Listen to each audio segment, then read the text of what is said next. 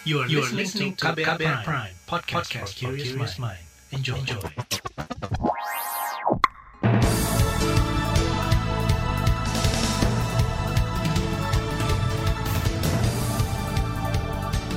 Anda mendengarkan buletin pagi hari ini edisi 1 September 2021 yang dipersembahkan oleh kantor berita radio saya Reski Mesanto. Pagi hari ini seperti biasa tim redaksi KBR telah menyiapkan sejumlah informasi untuk Anda.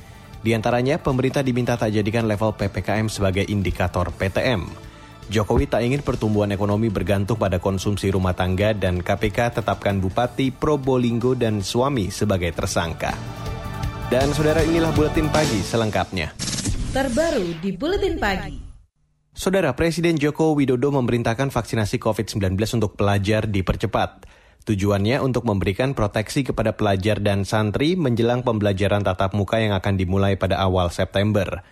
Hal ini disampaikan Jokowi saat meninjau vaksinasi di SMAN 1 Beber, Kabupaten Cirebon, Jawa Barat kemarin. Saya juga sudah perintahkan agar kegiatan vaksinasi bagi pelajar dan santri ini dilakukan secara besar-besaran, masif, terutama di daerah-daerah yang tingkat penyebaran COVID-nya, tingkat penularan COVID-nya uh, tinggi. Sehingga kita harapkan penularan COVID, utamanya varian Delta, bisa kita kendalikan. Jokowi mengklaim proses vaksinasi sudah berjalan cukup baik dan teratur. Kurang lebih ada 2.000 pelajar dan santri divaksinasi dalam satu hari di lokasi tersebut. Presiden berharap vaksinasi dapat terus dimasifkan di berbagai daerah agar proses belajar mengajar di sekolah bisa segera dimulai dengan aman. Sementara itu Kementerian Pendidikan, Kebudayaan, Riset, dan Teknologi atau Kemendikbud Ristek bersikukuh bahwa pembelajaran tatap muka atau PTM di sekolah merupakan solusi atas segala problematika pendidikan di tengah pandemi. Direktur Sekolah Menengah Pertama atau SMP Kemendikbud Ristek Mul Yatsah mengatakan, PTM terbatas menjawab tantangan seputar infrastruktur yang minim hingga belajar dari rumah yang membosankan. Ia mengklaim PTM terbatas tetap mengacu surat keputusan bersama atau SKB 4 Menteri. Nah, tetapi tentu ini harus kita uh, lakukan mitigasi. Oke. Okay. Karena ternyata banyak juga risiko anak-anak kita kebosanan. Betul sekali. Orang tua tidak mm -hmm. siap juga mm -hmm. mendampingi mhm. anak-anak. Mm -hmm ini sebuah problematik yang luar biasa. Yeah. Makanya ada SKB 4 Menteri yang membantu pemerintah daerah diberikan kewenangan okay. untuk memastikan sekolah-sekolah yang sudah bisa memulai pembelajaran tatap muka. Mulyatsah menambahkan, dari data yang dimiliki Kemendikbud Ristek, baru 40 persen sekolah yang memulai pembelajaran tatap muka. Sementara sisanya masih pembelajaran dari rumah atau belajar daring. Ia berharap akan semakin banyak sekolah-sekolah yang melakukan PTM terbatas, namun tetap mengedepankan prinsip kesehatan dan keamanan peserta didik. Saudara DKI Jakarta termasuk salah satu daerah yang sudah menggelar PTM terbatas mulai pekan ini. Wakil Gubernur DKI Jakarta Ahmad Riza Patria mengklaim PTM terbatas berjalan baik. Namun kata dia, ada sejumlah hal masih perlu diperbaiki. Ia menargetkan Januari tahun depan seluruh sekolah di DKI Jakarta sudah bisa melaksanakan PTM. Alhamdulillah PTM berjalan dengan baik seperti teman-teman lihat di berbagai kesempatan dan media. Kita akan terus memperbaiki dan sempurnakan eh, berselang, nanti dibersihkan, didesinfektan, mulai lagi sekolah, ya, dibagi lagi siswanya secara bergantian ya sekitar dua minggu nanti. Jadi mudah-mudahan ini 610 sekolah pertama nanti sudah dilanjutkan dengan 1.500 dan seterusnya. Mudah-mudahan nanti di awal Januari sudah bisa memenuhi yang belum mendapatkan giliran, mudah seluruh sekolah bisa dimulai di awal Januari. Itu tadi Wakil Gubernur DKI Jakarta Ahmad Riza Patria. Sementara itu di Jawa Timur sekitar 89 persen sekolah jenjang SMA SMK sudah memenuhi syarat untuk sekolah tatap muka. Sementara sisanya masih belum memenuhi syarat karena kendala sejumlah hal. Di Semarang, Jawa Tengah, 350 sekolah menggelar pembelajaran tatap muka atau PTM terbatas pasca penerapan PPKM level 2. Pembukaan PTM dilakukan dari sekolah tingkat kanak-kanak hingga menengah pertama dengan jumlah siswa terbatas. Pelaksanaan PTM diterapkan dengan protokol kesehatan ketat dan pembatasan siswa maksimal 50% persen dari yang diizinkan masuk sekolah. Saudara, keputusan pemerintah mulai menggelar sekolah tatap muka mendapat kritikan dari Komisi Perlindungan Anak Indonesia atau KPAI. Komisioner KPAI Retno Listiarti meminta pemerintah tidak menggunakan kebijakan level PPKM sebagai indikator pelaksanaan PTM terbatas. Ia menyarankan pemerintah memakai indikator kesiapan fasilitas sekolah, tingkat pencapaian vaksinasi, serta angka konfirmasi positif COVID-19 dalam penerapan PTM terbatas. Sebab merujuk ketentuan dari Organisasi Kesehatan Dunia atau WHO, situasi di Indonesia masih belum aman untuk menggelar PTM terbatas.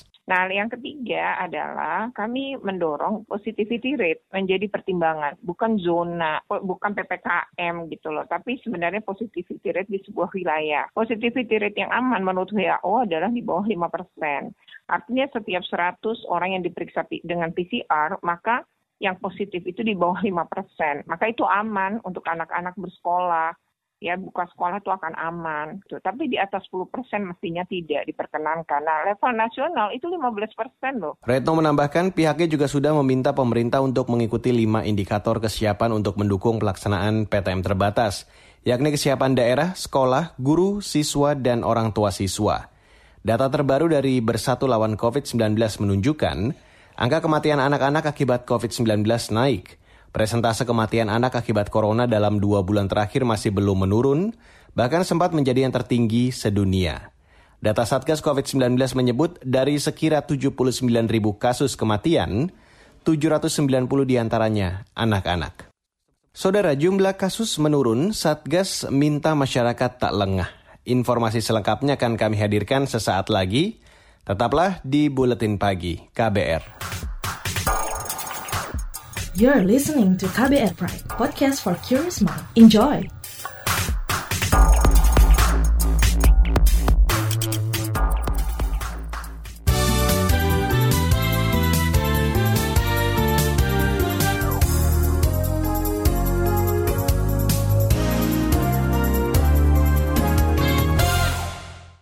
Saudara, Satuan Tugas Penanganan COVID-19 mengklaim kasus COVID-19 di Indonesia terus menurun Bahkan positivity rate nasional berada di angka 12-an persen.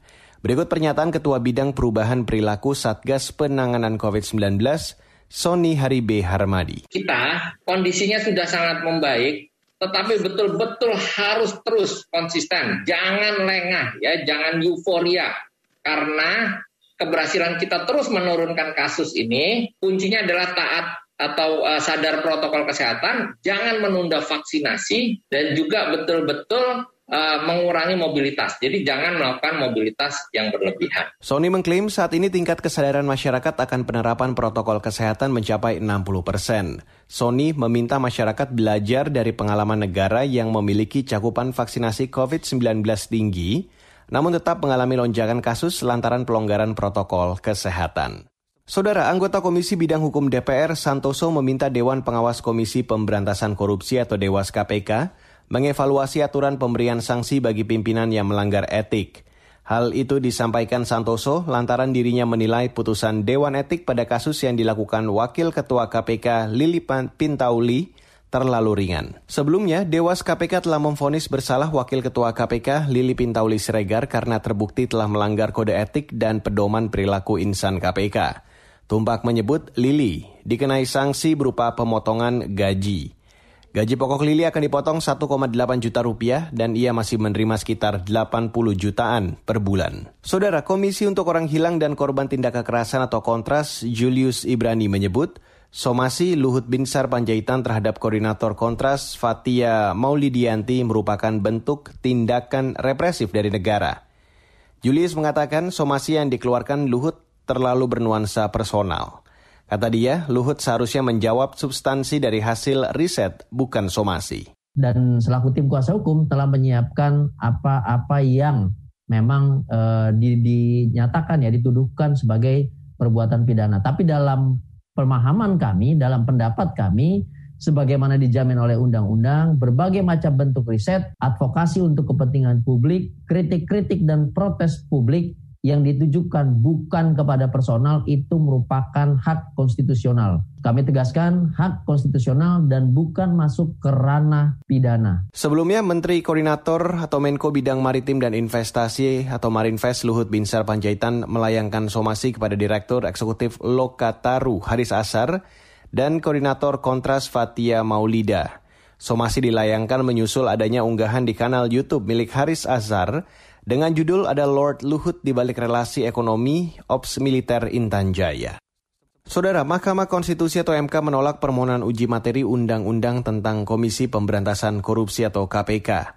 Uji materi itu diajukan Direktur Eksekutif KPK Watch Indonesia, Yusuf Sahide.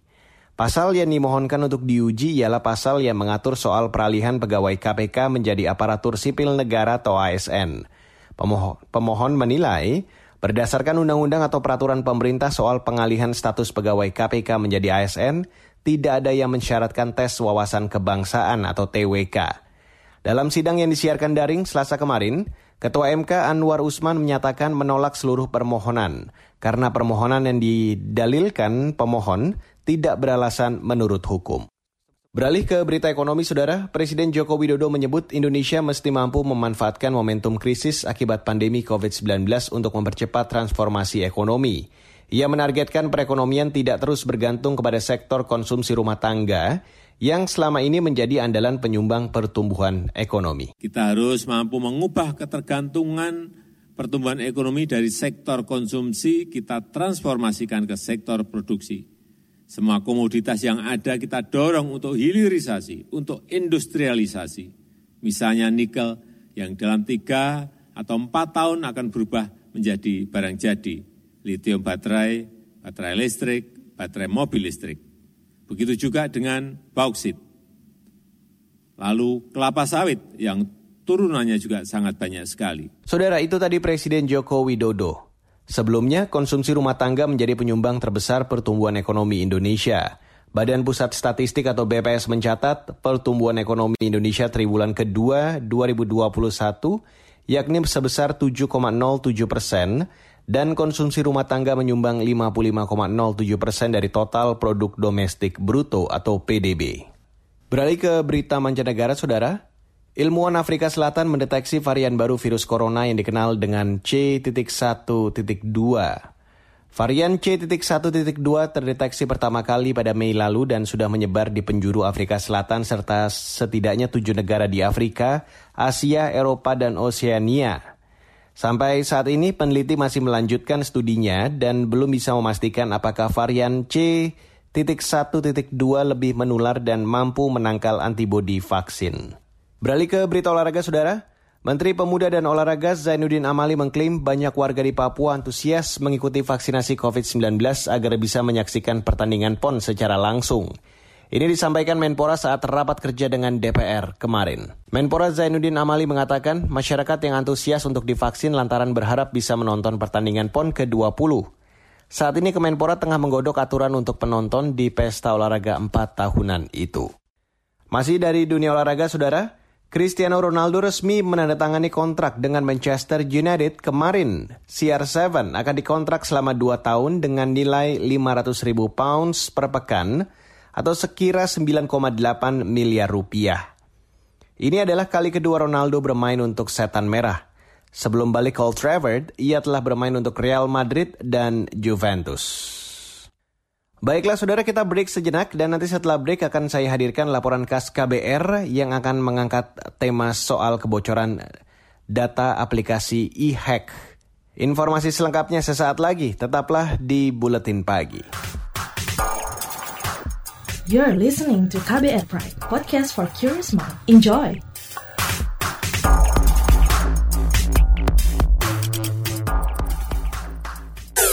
Commercial break transfer ke sini udah, bayar ini juga udah. Ke gue udah. Heh, Allah, pertumbuhan ekonomi tuh lagi melambat, persis kayak tabungan gue. Betul banget, harus matang ngelola keuangan. Pengennya tuh investasi sesuatu gitu ya. Apa gitu yang cocok dan menguntungkan? Hmm, coba dengerin uang bicara deh. Gue belakangan lagi dengerin podcast itu di KBR Prime. Reksadana yang tadinya 500 juta udah turun dari 250 juta sekarang 10 ribu. Sama kita ngopi mahalan mana? Ketika itu ada keputusan yang kayak begitu investor harus tahu gitu oh ada keputusan ini berarti implikasinya apa? Orang mungkin perluas literasi kamu lewat podcast uang bicara Uang Bicara menavigasi kamu dengan menghadirkan bahasan-bahasan seru dan populer mulai dari investasi sampai kebijakan. Dipersembahkan oleh KBR Prime dan bisa didengarkan di KBR Prime, Spotify, dan platform mendengarkan podcast lainnya. KBR Prime, podcast for curious mind.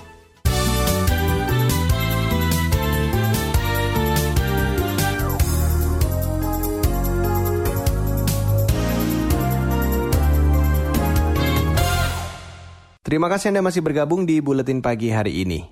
Saudara, kebocoran data pribadi masyarakat kembali terjadi. Kali ini menyerang aplikasi Electronic Health Alert atau e-hack besutan Kementerian Kesehatan. Apa upaya yang harus dilakukan pemerintah agar kebocoran data pribadi tak lagi terulang?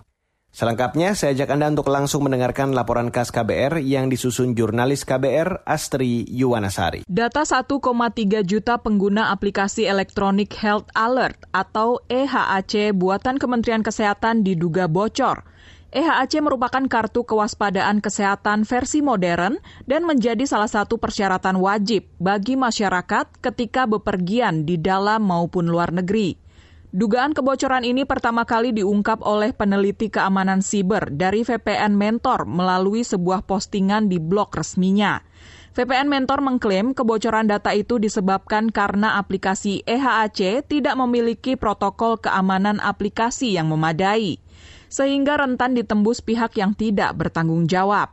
Kepala Pusat Data dan Informasi Kemenkes Anas Ma'ruf mengatakan ada dugaan kebocoran data pengguna aplikasi EHAC versi lama atau bisa ditemukan dengan nama EHAC Indonesia di Google Play Store. Namun, Anas menegaskan dugaan kebocoran ini tidak terjadi pada layanan EHAC yang kini sudah terintegrasi dengan aplikasi Peduli Lindungi. Kebocoran data terjadi di aplikasi Electronic Health Alert Card atau EHAC yang sudah tidak digunakan lagi sejak Juli 2021, tepatnya 2 Juli 2021, sesuai dengan surat edaran dari Kementerian Kesehatan tentang digitalisasi dokumen kesehatan bagi pengguna transportasi udara yang terintegrasi dengan peduli lindungi. Kepala Pusat Data dan Informasi Kemenkes Anas Ma'ruf menambahkan, saat ini pemerintah sudah melakukan tindakan pencegahan serta tengah melakukan investigasi lebih lanjut terkait insiden ini. Salah satu langkah mitigasi yang dilakukan adalah dengan menonaktifkan aplikasi EHAC lama atau aplikasi EHAC yang masih terpisah dari Peduli Lindungi. Sebagai langkah mitigasi, maka EHC yang lama sudah dinonaktifkan dan saat ini EHC tetap dilakukan tetapi berada di dalam Peduli Lindungi. Untuk EHC yang ada di Peduli Lindungi, servernya, infrastrukturnya berada di Pusat Data Nasional dan terjamin pengamanannya dengan didukung oleh kementerian lembaga terkait, baik itu Kementerian Kominfo maupun juga Badan Siber dan Sandi Negara. Kasus kebocoran data pribadi bukan kali pertama terjadi. Mei lalu, data BPJS Kesehatan milik 279 juta penduduk Indonesia juga diduga kuat bocor. Krisis kebocoran data masyarakat seperti ini harus segera ditindaklanjuti dengan payung hukum perlindungan data pribadi yang komprehensif. Menteri Komunikasi dan Informatika Joni G. Plate juga mendukung agar rancangan Undang-Undang Perlindungan Data Pribadi dapat diselesaikan pembahasannya di DPR pada masa persidangan pertama, tahun sidang 2021-2022. Sementara itu, Direktur Eksekutif Lembaga Studi dan Advokasi Masyarakat Elsam, Wahyudi Jafar mengatakan, saat ini tidak ada rujukan yang jelas dan detail terkait prinsip-prinsip perlindungan data pribadi termasuk kewajiban dari pengendali dan pemroses data dalam pengelolaan data pribadi. Oleh karena itu, Wahyudi mengatakan Undang-Undang Perlindungan Data Pribadi harus cepat-cepat disahkan. Namun Wahyudi menjelaskan saat ini pembahasan RUU tersebut mengalami deadlock karena perbedaan pendapat dari pemerintah dan DPR terkait otoritas pengawas perlindungan data pribadi. Pembahasan rancangan undang-undang pelindungan data pribadi itu kan berhenti ya deadlock dikarenakan salah satu isunya itu terkait dengan pembentukan otoritas pelindungan data pribadi yang mandiri ya. Pemerintah itu mengusulkan agar otoritas itu berada di kementerian. Dalam hal ini adalah Kominfo. Sementara mayoritas fraksi di DPR kan menginginkan adanya sebuah otoritas yang mandiri, yang independen gitu kan. Direktur Elsam Wahyudi Jafar juga mendukung usulan DPR agar otoritas pengawas perlindungan data pribadi jangan berada di bawah struktur Kementerian Negara. Menurutnya, independensi otoritas itu penting agar dapat bekerja secara adil dan efektif sebagai perlindungan data pribadi masyarakat Indonesia. Nah itulah kenapa uh, justru insiden-insiden yang terjadi belakangan uh, ini mestinya bisa memicu baik DPR maupun pemerintah untuk segera memulai kembali proses pembahasan rancangan undang-undang pelindungan data pribadi dengan memastikan tadi hadirnya sebuah otoritas pengawas perlindungan data yang mandiri yang dia bukan sebagai bagian dari kementerian gitu kan. Tapi dia bisa bekerja secara adil, secara fair, secara efektif untuk mengawasi dan memastikan kepatuhan pelindungan data pribadi dari sektor publik pemerintah maupun dari uh, sektor swasta. Demikian laporan khas KBR, saya Astri Yuwanasari. Dan saudara di bagian akhir dari buletin pagi akan saya hadirkan informasi dari berbagai daerah di Indonesia. Tetaplah bersama kami. You're listening to KBR Pride, podcast for curious mind. Enjoy!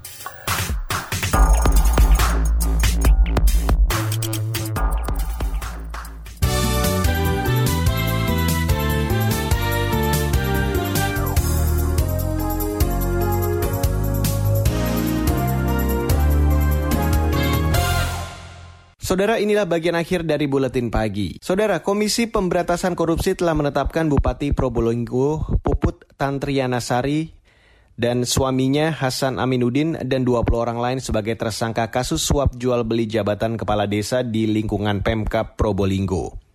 Wakil Ketua KPK Alexander Marwata menjelaskan, penangkapan dan penahanan tersangka keduanya dilakukan seusai tim penyidik melakukan operasi tangkap tangan terhadap 10 orang di sejumlah tempat di Probolinggo, Jawa Timur. Semua pihak yang diamankan tersebut dibawa ke Polda Jawa Timur untuk dilakukan permintaan keterangan dan selanjutnya dibawa ke gedung KPK Merah Putih untuk dilakukan pemeriksaan lebih lanjut. Adapun barang bukti yang saat ini telah diamankan di antaranya berbagai dokumen dan uang sejumlah 362 juta 500 ribu rupiah. Wakil Ketua KPK Alexander Marwata mengatakan saat ditangkap dua dari 10 tersangka membawa uang 240 juta dan proposal usulan nama untuk menjadi pejabat kepala desa yang diduga berasal dari para ASN di sana. Para ASN itu diduga menginginkan posisi tersebut di beberapa wilayah di Kabupaten Probolinggo. Beralih ke Jawa Tengah, Saudara. Kalangan pegiat lingkungan di Kabupaten Rembang, Jawa Tengah mendesak pemerintah menjadikan Pulau Gede sebagai kawasan konservasi. Pulau Gede tanpa penghuni di perairan perbatasan antara Kabupaten Rembang dan Kabupaten Pati. Heri Prasetyo, seorang pegiat lingkungan beralasan di sekeliling Pulau Gede terdapat banyak gugusan terumbu karang dan pusat perkembangbiakan ikan. Namun kondisinya rusak tergerus abrasi.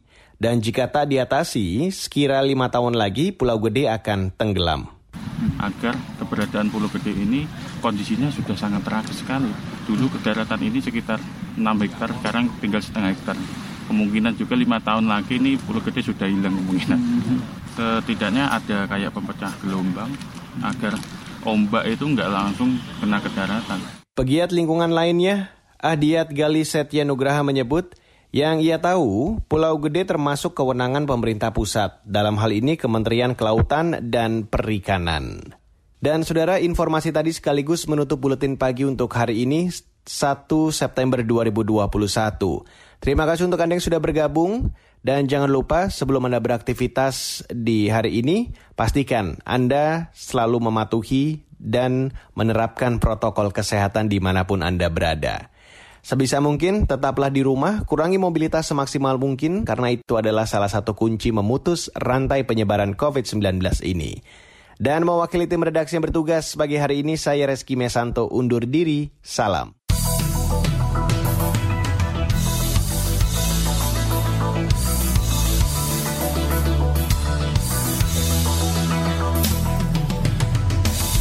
KBR Prime, cara asik mendengar berita. KBR Prime, podcast for curious mind.